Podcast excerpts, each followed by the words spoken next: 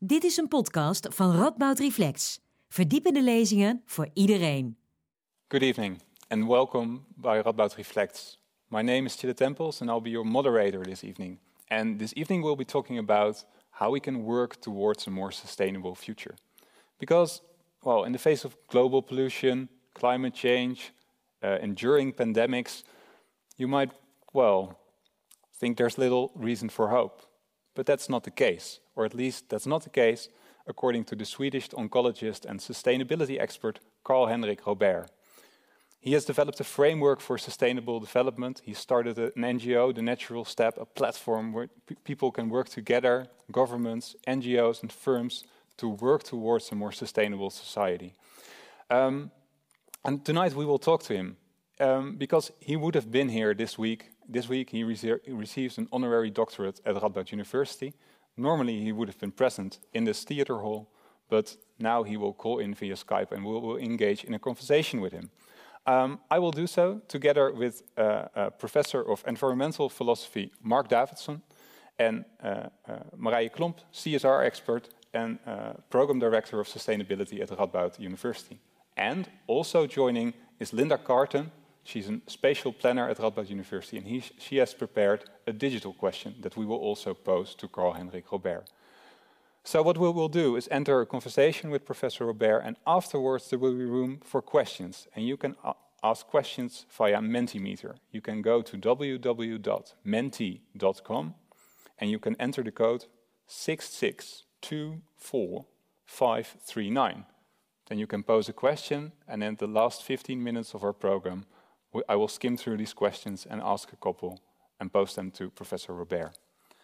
That being said, We'll now move to a word of welcome that was recorded by our rector magnificus, Han van Krieken, and then we'll engage in a conversation with Professor Robert. I bid you all already a very nice evening.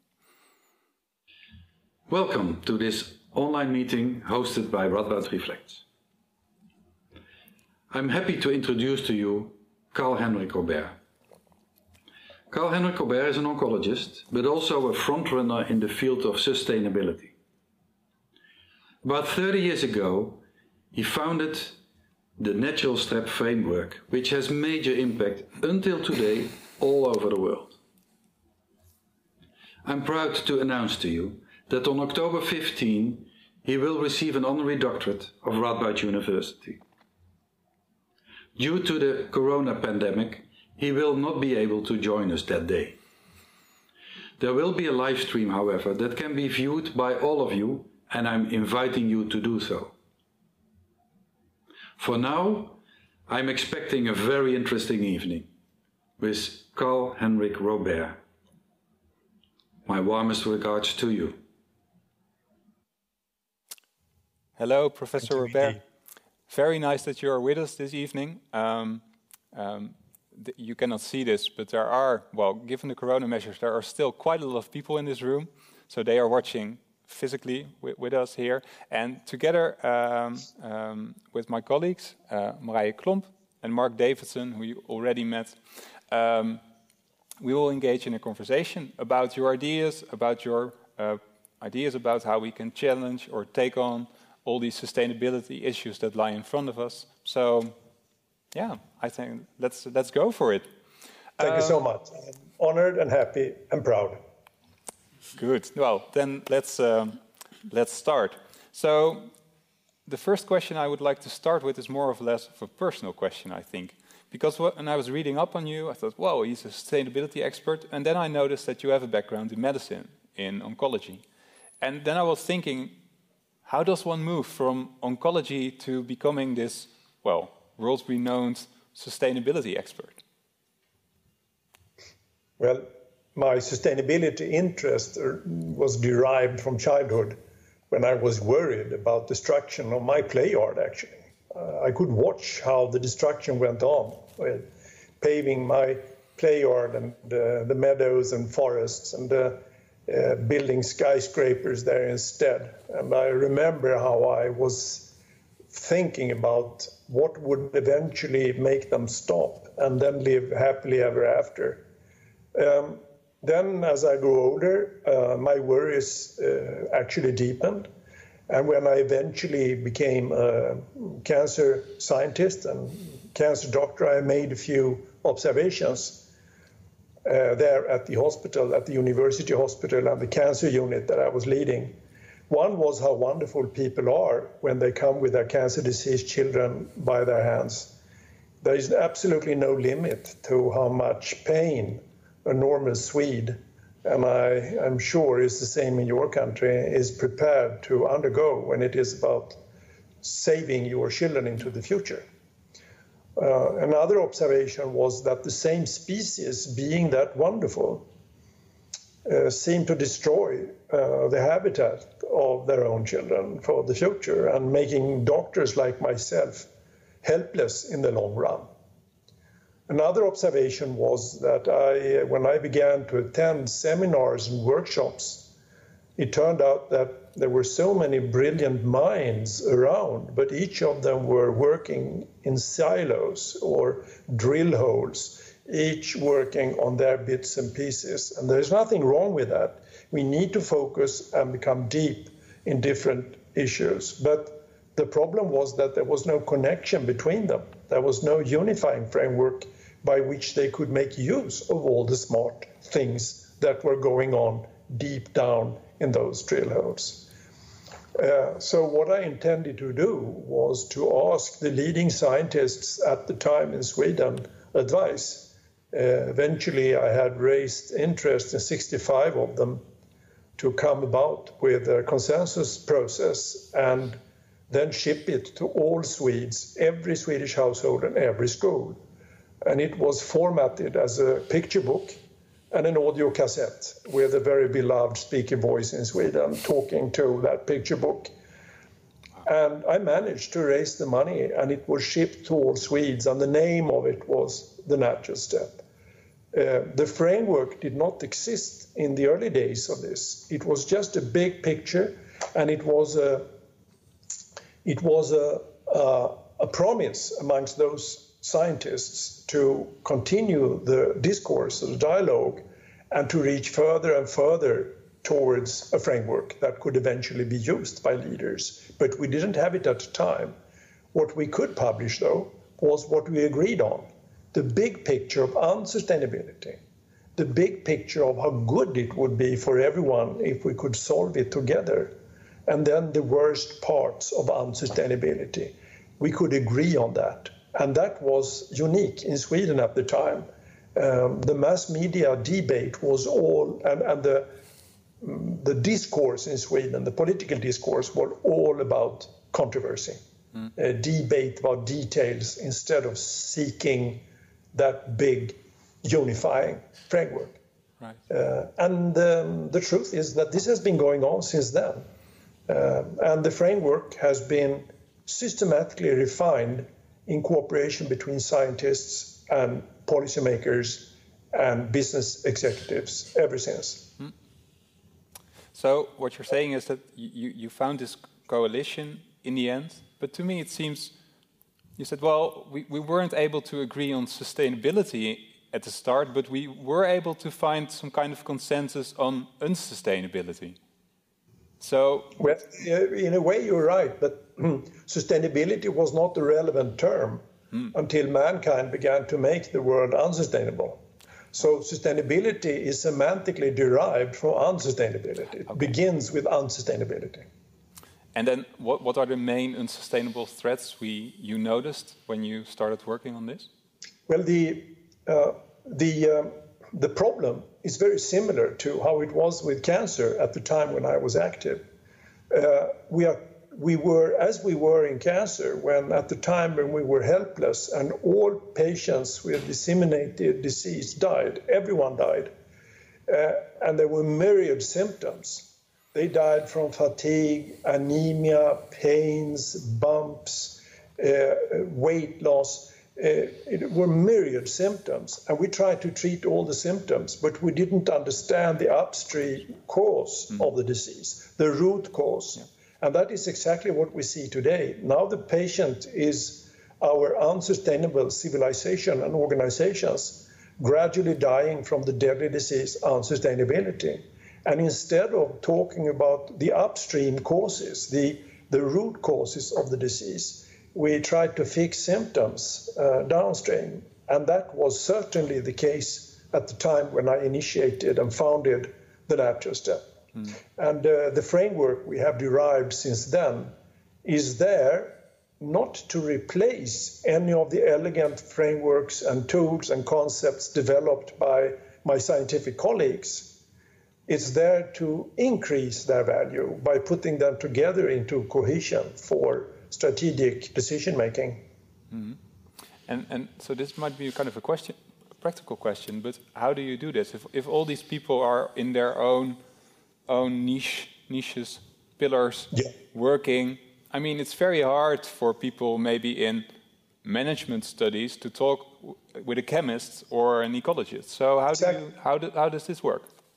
That was exactly like it was in cancer when we tried to fix symptoms. So we tried antibiotics and we tried transfusions and we tried cytostatics and we tried this and that, and all patients died.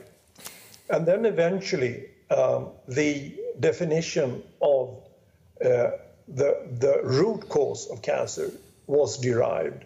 It's a monoclonal disease. It means that it is derived from one single crazy stem cell that propagates itself into future generations, sustaining that same flaw of DNA and eventually threatening the whole patient. And as soon as that was known, and it wasn't known, the first half of the second century we didn't, but when it was known, the definition of cancer cure upstream in cause effect chains was on the table. Mm. There in the future, when the patient is cured, we have managed to comply with two principles.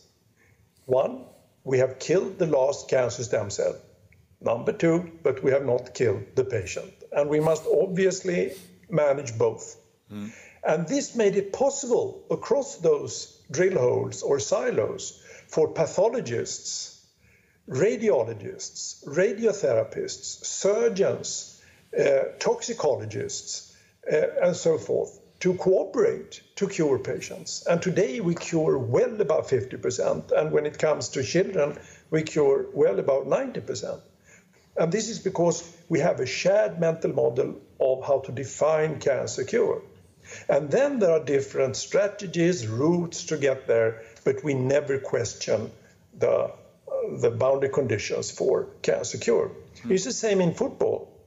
And you ought to know because you have a beautiful national team in your country that we fear a lot in my country. Yeah. And uh, uh, again, there are two boundary conditions of winning, and they're always the same follow the rules, and number two, make the ball come into the other goal more often than you receive it in your own. And it's always the same.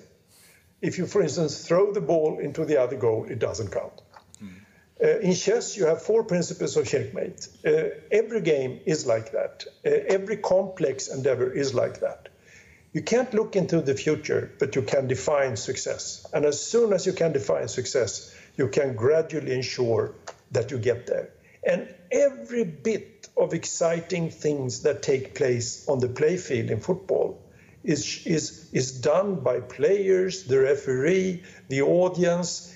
Uh, everybody has exactly the same idea of winning, and that creates the excitement of the game. Mm. Who would else? Who would otherwise pay a ticket to look at grown-ups playing with a ball? Yeah, that's a good question. Yeah. So therefore, we need to have this mutual understanding of our both our goal and the rules. Yeah, um, and in complex systems, it's boundary conditions. It's a basic principle definition of what you want. And that was lacking when I began developing it. Uh, and the Natural Step was just an organization, it was an NGO. The framework in scientific literature is called Framework for Strategic Sustainable Development, FSSD. Uh, you can hardly say it, so most people call it the Natural Step Framework just because of the NGO that I founded. Yeah. So, so we can use this framework, but then I still wonder. Um, so, so you can think about the rules, these rules, but I was also wondering. You, you refer in your work to the basic mechanisms of destruction. I think mm. these sounds like like these very gloomy and doomy threats we are facing, but I think it's essential to address them and also maybe for the people here to kind of get a yeah. grasp of what these threats are. Yeah, well, uh, they are the basic mechanisms of destruction when it comes to ecosystems are very easy to understand. The first one is that we allow a net input of matter from the Earth's crust, which were originally uh, in, in ores, in, in mines below in, in the Earth's crust we dig it up and then we use it in a dissipative way, in a wasteful way, so that we get gradual increases of waste, pollution, like CO2 causing climate change, or cadmium increases in soils and in our kidneys causing kidney uh, problems, or uh, silver uh, causing problems in root threads and fish so, so, we are allowing matter from the Earth crust to increase systematically. But we are also allowing chemicals to increase systematically, like CFCs and DDT and dieldrins and freons and phthalates and chlorparaffins and bromine organic anti-flammables and so forth and so on. The list is endless. Mm-hmm. And final way of destruction upstream in cause-effect chains is that we remove natural systems by putting asphalt on it or far too large clear cuts whereafter the wind erosion takes care of the rest and, and create from a forest, it, it becomes a desert.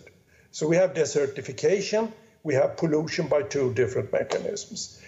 Now, if a company understands this, or if a municipality understands this, they can ask themselves, where are we in the future when we don't contribute to the first mechanism, the second mechanism, and the third mechanism? Mm-hmm. And in line with your question, this might be like a negative phraseology. Why do you put it in the negative? Don't do that, don't do that, don't do that. And the reason is that that is much more engaging, stimulating, wonderful. Could you imagine a boss with a new employee and he receives the employee and say, for as long as you don't do this, that, and this, you can do whatever you like. And I want your mm. brain to just spur along those lines for as long as you don't do those things. And the other alternative is the CEO saying, Welcome to my company. You are allowed to do that, that, and that, which actually means that that's what you're allowed to do and nothing else. So when it comes to creativity and innovation, negative constraints act in a stimulative way. Yeah, okay, I see. So uh, maybe I should be a bit more hopeful and a bit more optimistic. yeah, well, um, it's uh, I don't know. I I don't know if we are optimists or pessimists. I want to regard myself as a realist. Mm-hmm. I don't think we will. We are looking at ahead on of, of dance on roses. But what I do feel is that it is very, very much nicer to work like this with people. It is much more engaging. They get going, they get more active. Mm-hmm. And this goes on at the same time as destruction goes on. So it's like a sort of chicken race between yeah. good things growing faster than the bad things, but the bad things are still very dominating all over. But the good things are growing faster and faster, mm. actually exponentially. And that looks very nice in itself. How it will go in the end, uh, my guess is no better than anybody else's. Mm. But I know that it's very nice to cooperate with people like this, understanding what you are going to do together. It's much nicer than being confused. I agree. Yeah, yeah. So I think it's nice to maybe dive a bit further into what what uh, what firms can do and what companies can do. And I think uh, Marc, you had a question. Yes. About um, that. Thank you. Well, first of all, I'm honored to be able here to uh, ask you some questions about your great work. And my first question relates to your idea expressed in your work that there's a business case for sustainability. It's yes. in the interest of companies themselves to yes. change their ways and produce sustainably. And um, that particularly interests me. In a previous life, I used to be a consultant, also trying to persuade companies to change their ways in a sustainable direction, and always turned out, in my experience, to be difficult because they're always so profit minded and they could not understand that there is any profit, real profit, in sustainability. So my question to you is, could you elaborate more on why yeah. there's really a business case for companies? Is yeah. that because uh, it's really profitable, whatever the rest of society does, or is it because they anticipate future demand from society? Could you um, elaborate on it? Uh, yes, of course. They, um, and, and, this is also published. Um, uh, if anybody would be interested, it is uh, published at depth in, in a paper which is about the prisoner's dilemma, which is a very dangerous and misleading concept, by the way. Anyhow, the key element of understanding the business case is the funnel. You know, the funnel is uh, something you can use if you pour water into something and you need to, to make it uh, narrow in so that you can make the water, for instance, being poured into a bottle. And the funnel, the wall of the funnel, represents a dynamic deterioration of the situation globally. So as long as we get fewer and fewer forests, a lower and lower purity in nature, lower and lower uh, biodiversity, everything gets worse and worse and worse as we get going into the future. This is like a funnel. And the funnel wall represents the degrees of freedom, the degrees of survival potential of the whole system. Now, once that is understood, the dynamic uh, challenge to business, uh, the next comes more or less naturally. If you ask them a few rhetoric questions, do you at Nike or Electrolux or IKEA or Philips, will you be completely out of this problem or do you share it with everyone else? Well, what do you mean? Of course we share it. We are in this funnel together. Okay. So, next question Do you think that markets will change them as we keep losing resources and purity in the whole system? And they are not dumb. They realize the market will change and it will change faster and faster. And the reason is that we are now talking about survival issues and survival issues are very convincing in the end.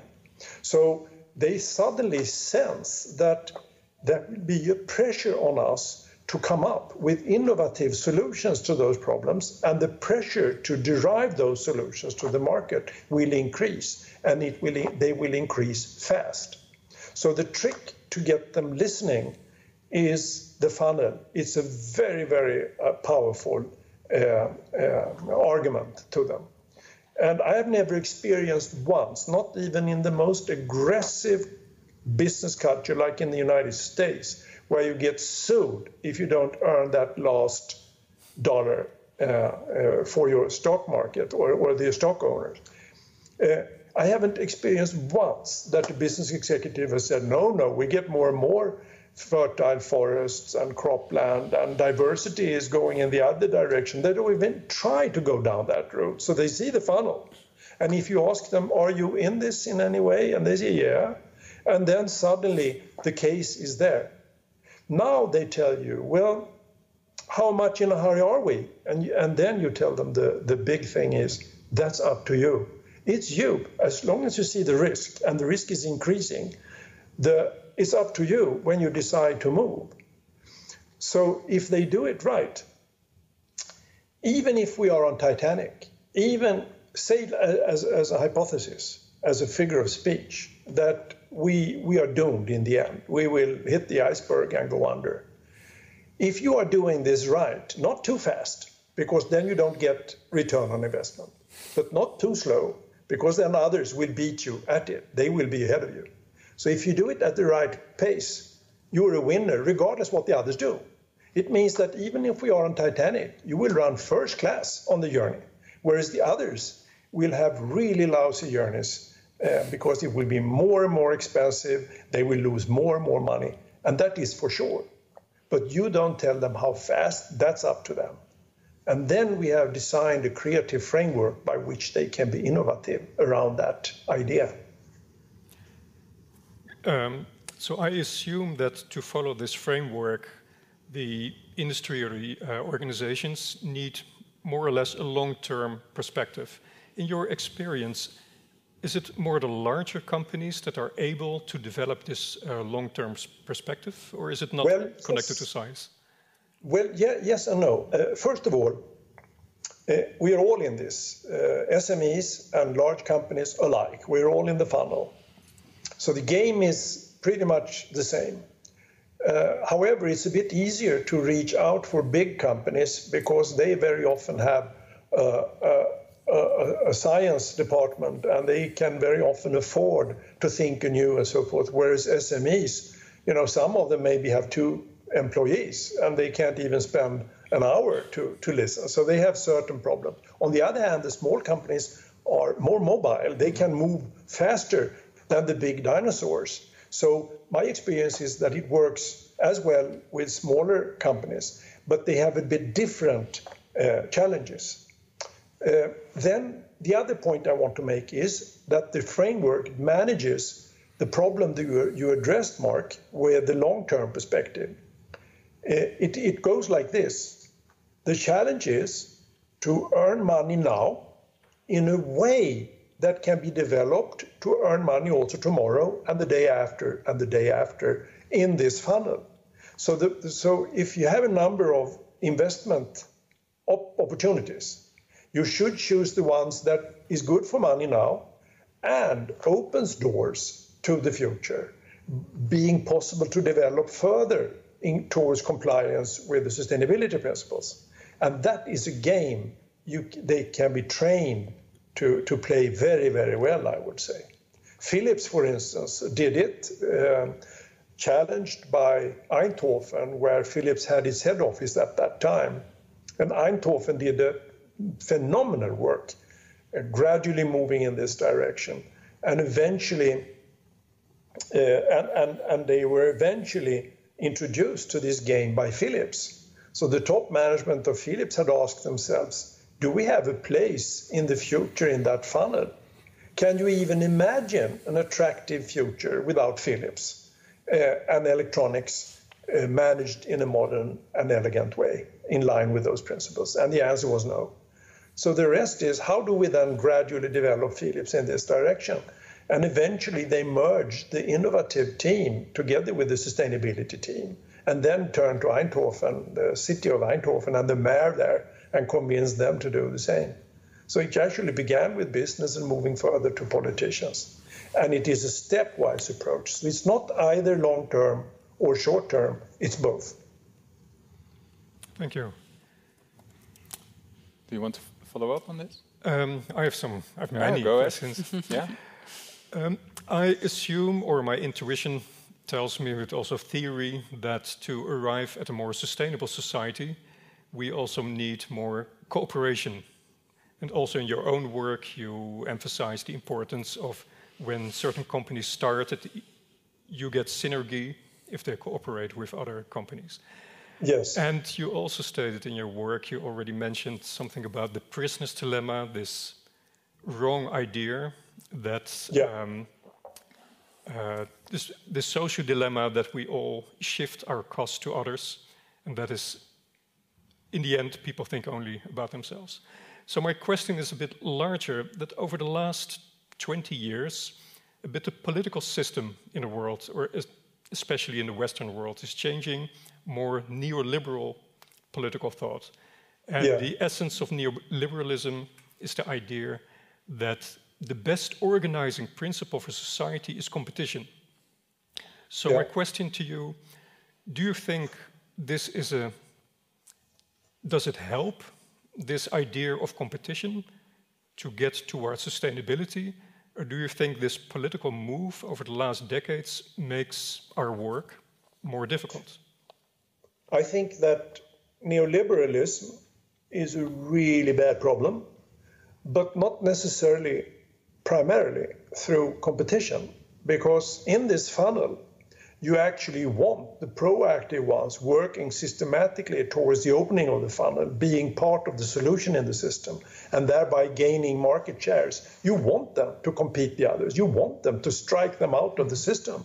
Those who don't want to pay attention, get rid of them and buy competition from the other ones. But later on, we need a more cooperative economy and that is already developing as you and I speak. We see more and more examples of more cooperative strategies. For instance, in uh, uh, cooperation uh, in, in supply uh, chains or uh, and supply chain management.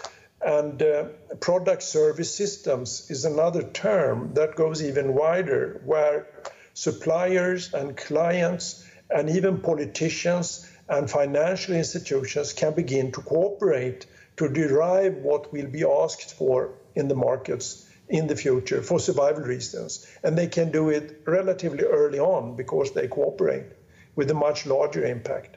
So we see this happening, but it's still a little competitive edge in there. The main problem with neoliberalism is not that, but the flawed ideas of economy per se. They believe that everything will take care of itself uh, through economic means, and the economy is only one piece of means. Uh, we have other means like information, knowledge, indicators outside of the economic systems that also are needed. So there are so many more things than the economic system, which in our neoliberal uh, neoliberal world has uh, played out such that it kind of degrades uh, humanity.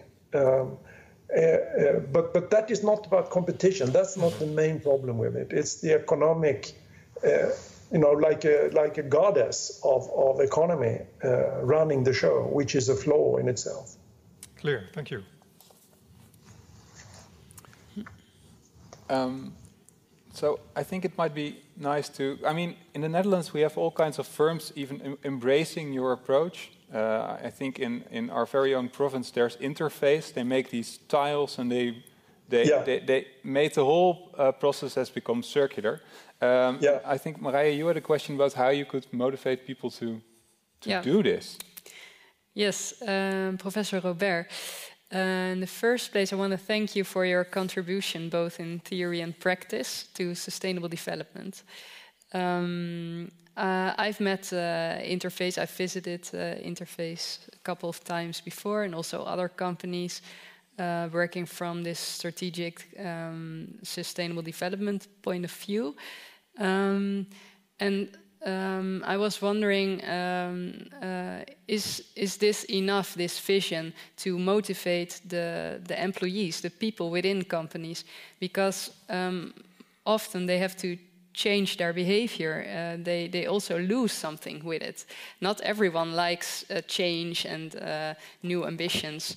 Um, how um, yeah? What, what's your uh, vision on that? And do you maybe have uh, an example um, of how this has worked in practice, a company who succeeded yeah. in engaging their people? I think we could stay a little while with the interface. I think it's a good example. I was once, uh, many, many years ago, I was invited by the founder of Interface, Ray Anderson, over to the United States.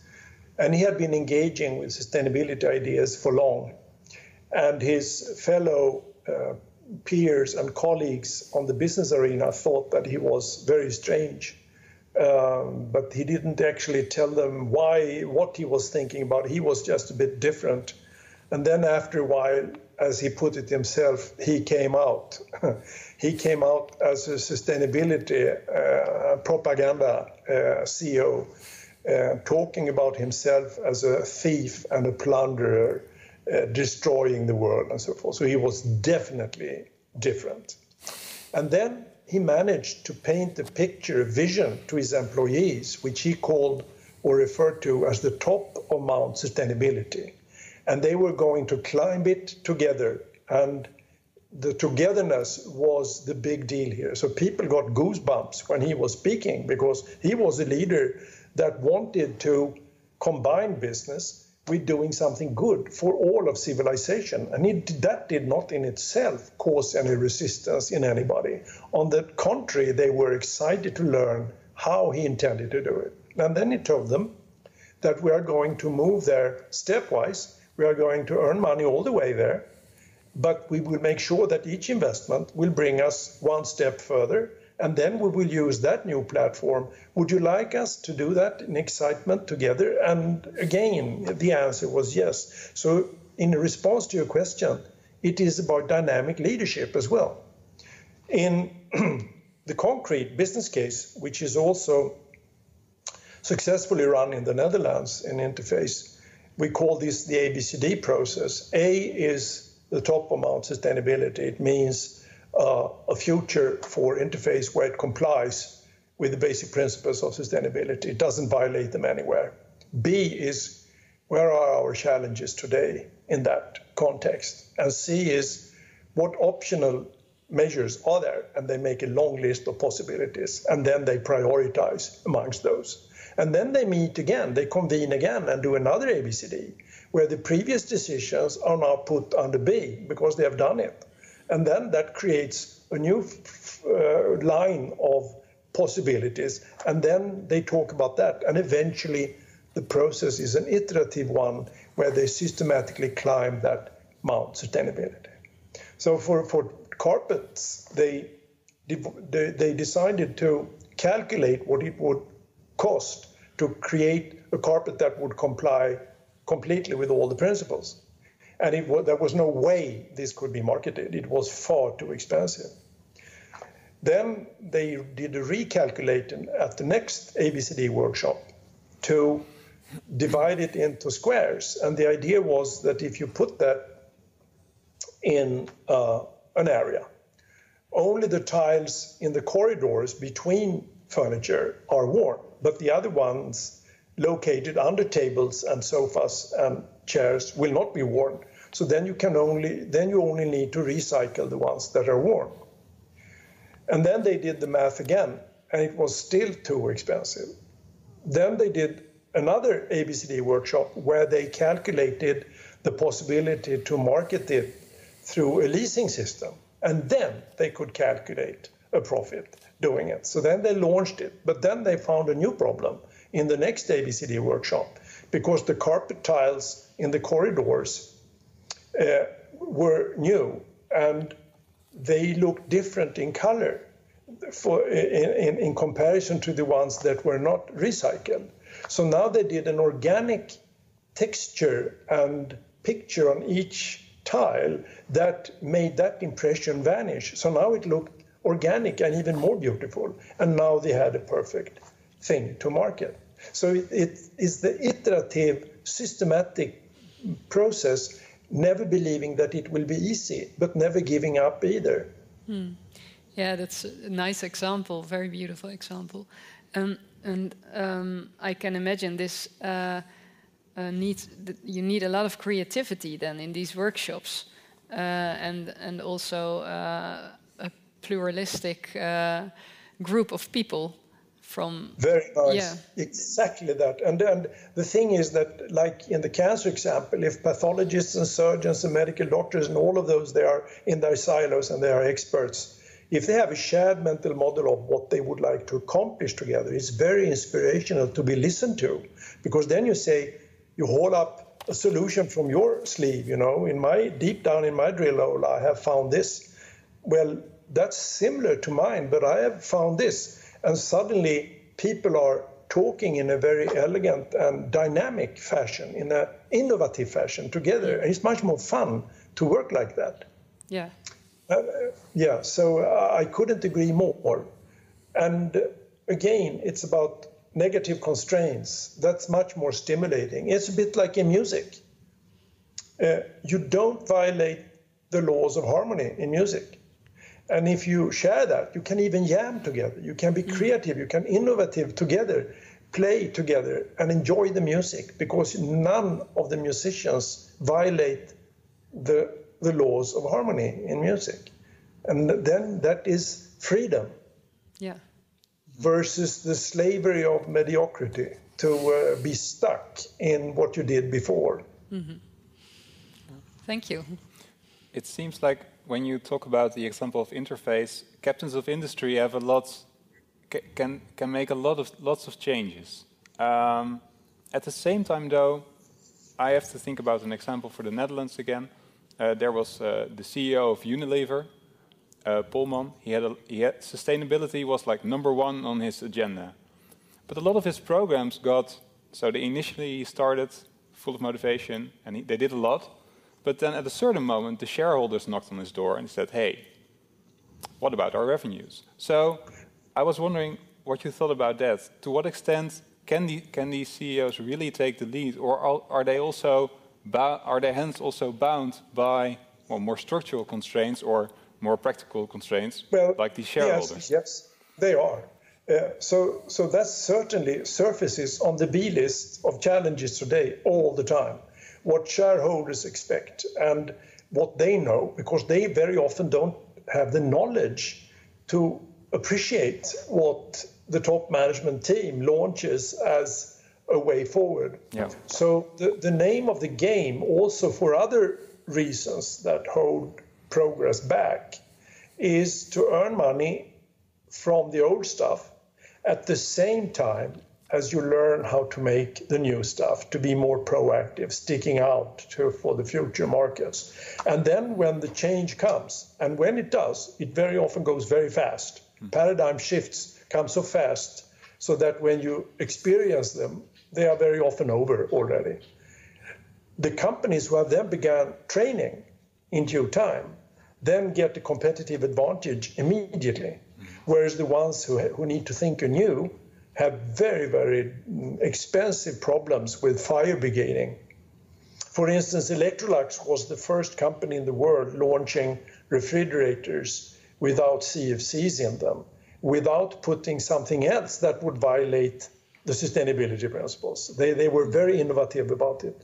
And then they earn money small scale from the new innovations where they found such markets. And then when there was this Montreal Protocol and CFCs were forbidden, they had already practiced, not only in, made the innovations in line with what you were talking about, but they were actually there doing it already. Mm. And then they could uh, exploit the production volumes fast.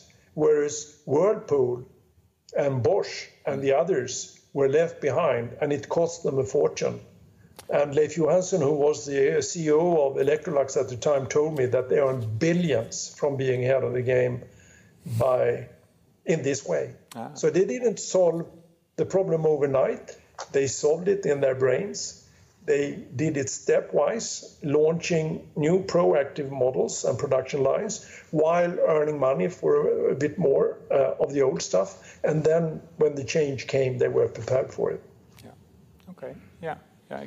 I, hmm, yeah, yeah, I can see that. Uh, I, was wondering, maybe, maybe. So, okay, do you think that this this framework that you have developed would it be applicable to all industries? Yeah. Or are there industries that are maybe essentially unsustainable? That's a very, very good question. And uh, let's take nuclear power. That was the one example that was in the back of my mind. Yeah.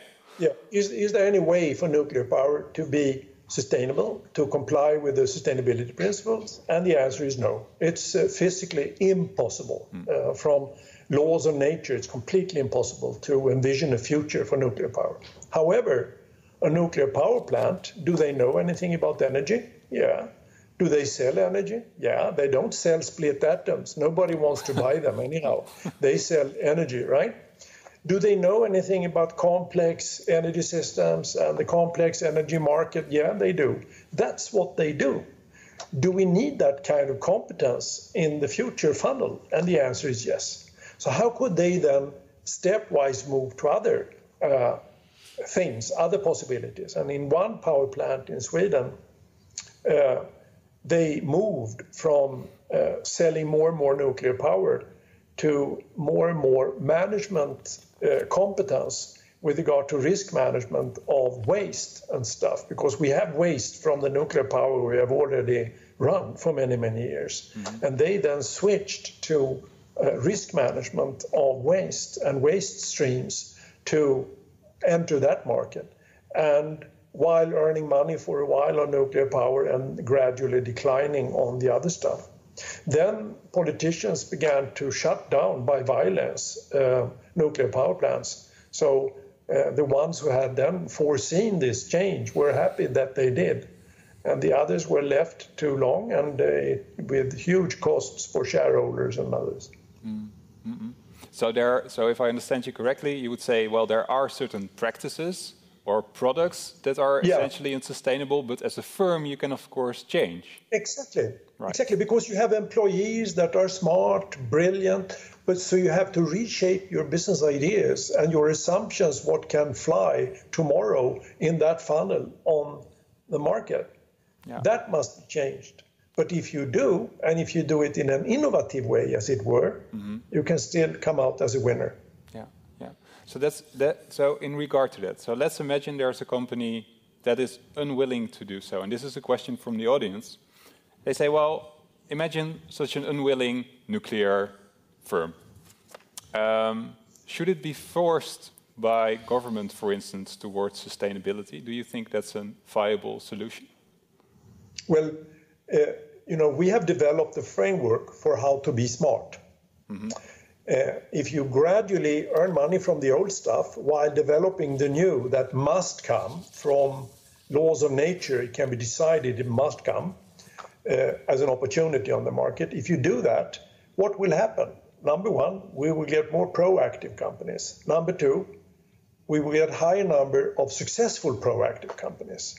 My worst nightmare are good guys wanting to do good, but doing the wrong thing for the right reason. Mm. That's really bad. We can't afford to lose good guys. We need to increase the opportunities for good guys.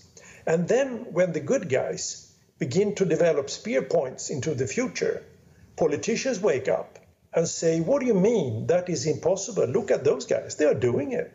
Mm. And then politicians can come after them and become sharper and sharper, developing harsher and harsher politics and uh, economic means and so forth to support the newcomers. Mm. So, and that is very often how paradigm shifts occur. It's innovative people on in amongst citizens. is innovative businesses, and then the new thing suddenly exists, yeah. and then politicians come in and shape the rules accordingly. Some people get angry with politicians because they come in late, but I don't think it's that bad because uh, the alternative is dictatorship. When politicians move in before anybody else and say, I don't care what you think or what you want, this is the rule. So, uh, in a way, it is a democratic thing that proactivity eventually moves to politics uh, rather than the opposite way around. And we see it all the time now when it comes, for instance, to electrifying the energy systems and the traffic systems. It goes so fast. To, to draw a bit more on politics, uh, uh, Linda Carton had a question that uh, was exactly about that. So we'll uh, briefly play it, and then I'm curious what you think uh, of her question. Okay. Hello, Radboud Reflects. Good evening, Mr. Karl-Henrik Robèrt. My name is Linda Carton, and I'm a scientist in spatial planning at Radboud University. And I appreciate the opportunity to ask a question. Now, I teach my students some 10 years now about the natural step approach, or the framework for strategic sustainable development. And every year I show them a little piece of the TEDx talk of, in a video uh, to show my students uh, your explanation directly. And I especially appreciate the interdisciplinarity, the synergies, and the simplicity and therefore communicative power of your guiding principles and your methodology. And I admire the future orientedness of the approach, and it makes my students more creative and imaginative, uh, thinking about alternative long term futures, and then do backcasting and reasoning back to little steps that can be taken today to design this long-term future. Now my question is this. What happens when local long-term values that are included in good cities of uh, visions of cities and regions come into conflict with state-level short-term interests? For instance, when the city of Nijmegen wants to make stricter rules for air pollution than the state, or when the state treasury is depending on income from gas extraction in the province of Groningen. Especially on topics like climate action, CO2 neutral cities and regions, and clean air, I see local regional governments struggling with outdated legal rules on higher government levels.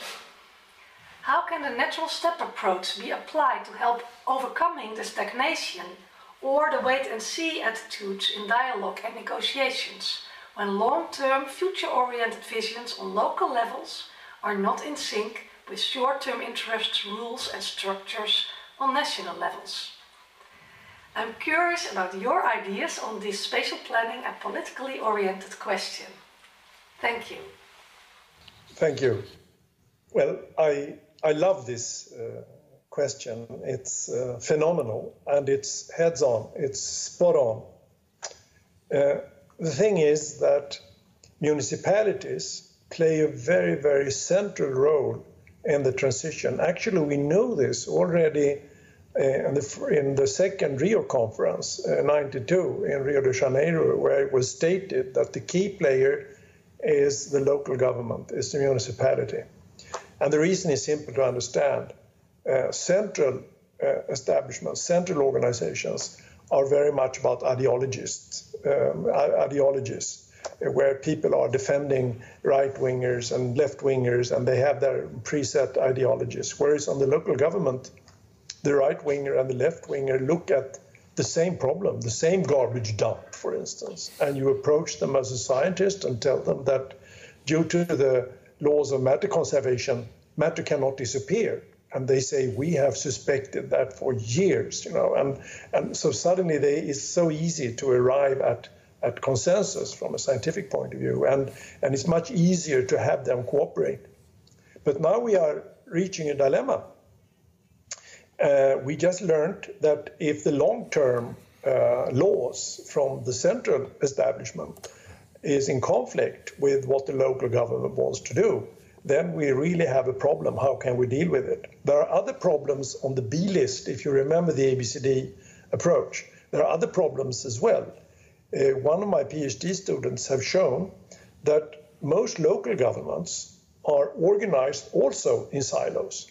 So you have this sector and that sector and this sector, and they are not cohesive with regard to uh, shared mental models of what success would be like, which weakens them it weakens them in the eyes of uh, the central establishment that they do not come out as powerful.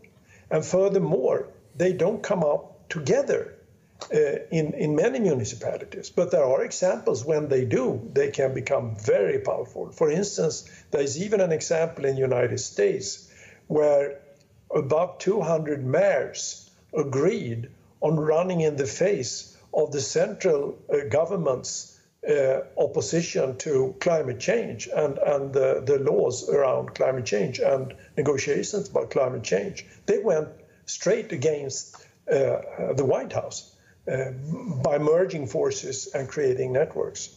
So I guess my answer to the question is that you have that problem, you have other problems too, but by addressing them and then being creative in togetherness about solutions and then sharing, expanding the scope, including more municipalities and local governments in this case, like Tuan Smith did along the river uh, Delta, where many municipalities were cooperating and sharing an idea of increased resilience in the eyes of climate change and doing so sustainably.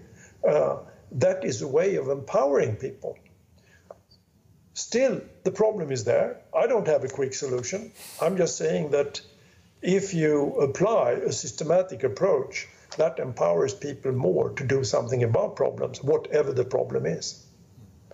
Uh, we also have examples of this in, in Sweden. We have examples of how local governments are uh, convincing uh, authorities to engage in ABCD workshops together with them. So the authorities from central governments are invited into workshops, into local government workshops, taking part in the ABCD workshop, learning on site from the problems the local government is uh, confronted with, which again empowers them in the eyes of authorities.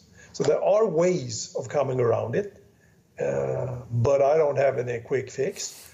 Just saying that again, the framework works uh, also in those occasions.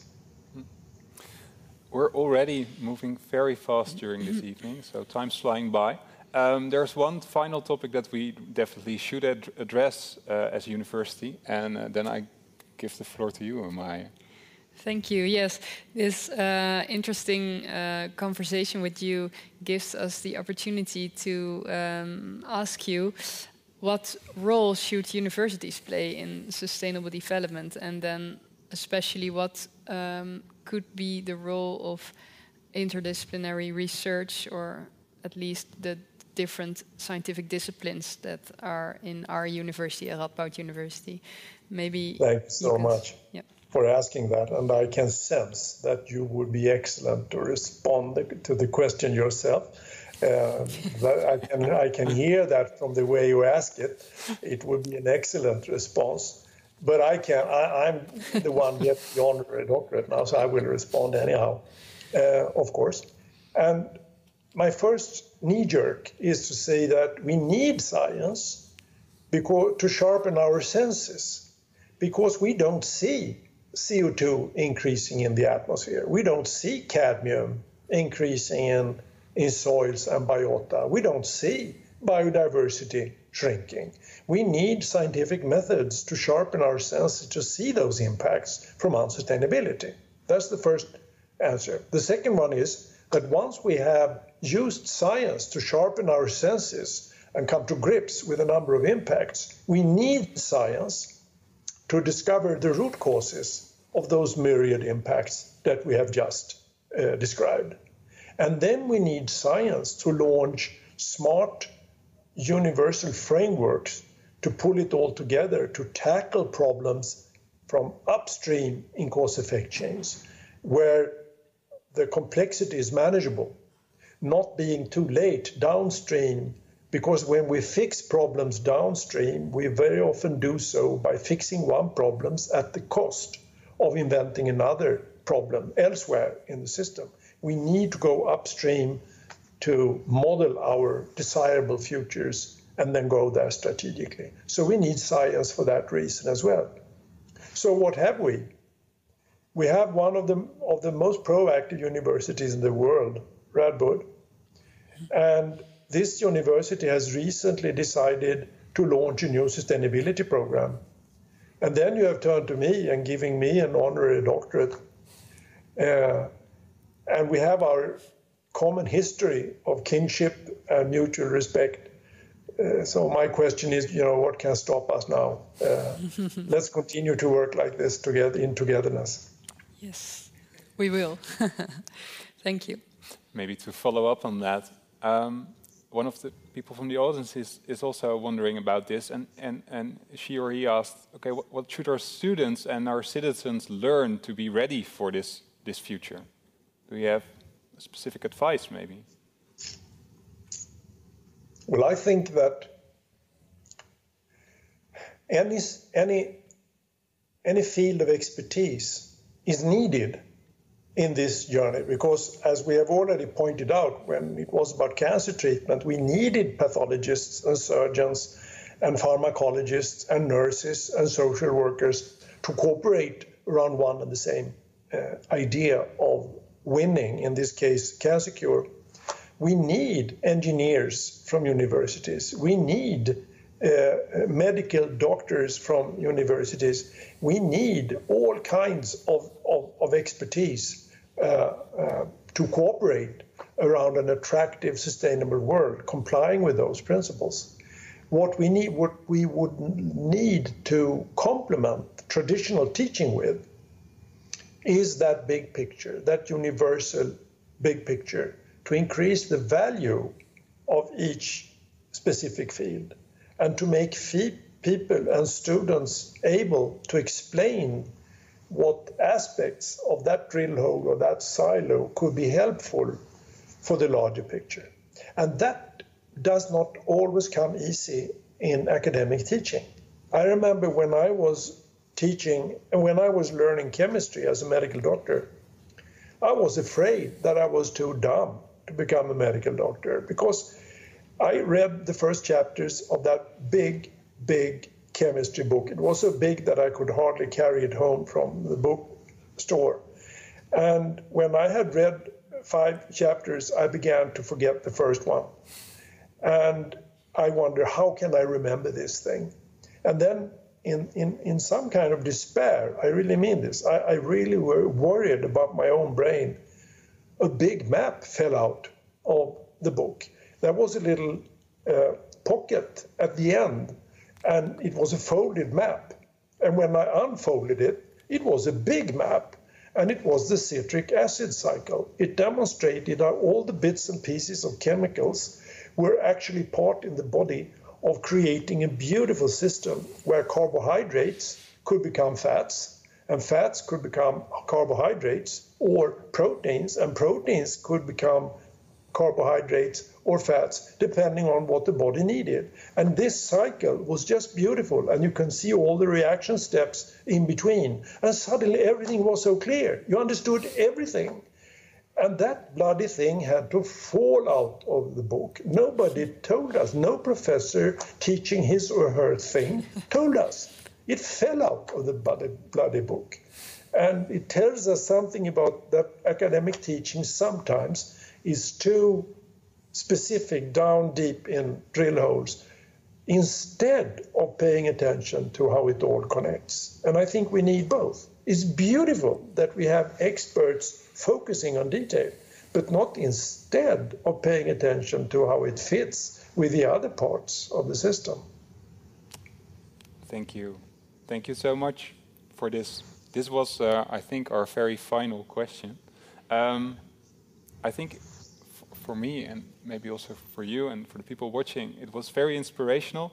Um, I think we all found new ways to see how we can together work towards this more beautiful and sustainable system.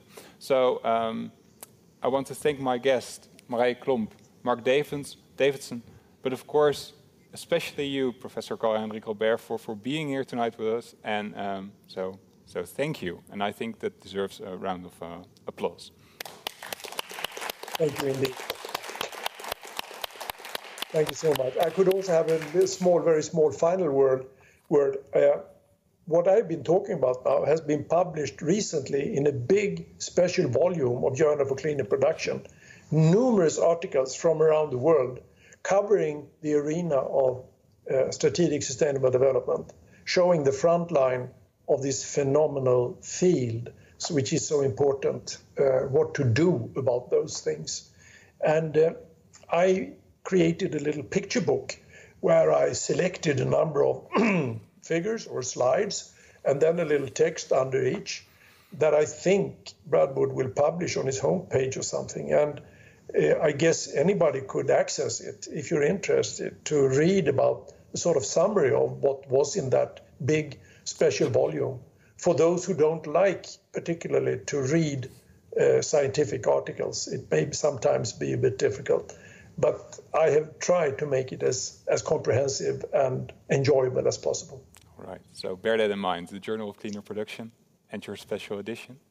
Um, yes. I'm going to say goodbye to the people at home. Um, thank you so much for watching. Uh, our apologies for the technical hiccups at the start of the program, but I'm very happy that you still all tuned in. If you like this evening, I can highly recommend you to also watch this Wednesday at uh, uh, 8 p.m., where we will interview, where Frank van Kaspel, philosopher at Radboud University, will interview our other honorary doctorate professor, Souha Kanj, and they will be talking about the silence pandemic of antimicrobial resistance. On Thursday, you can of course also join for the uh, 97th Dies Natalis, the birthday party of our university. Uh, and you can watch the academic, their academic ceremony uh, at a live YouTube stream uh, of Radboud University. Thank you for watching. Have a very nice evening, and I hope to see you again at Radboud Reflects.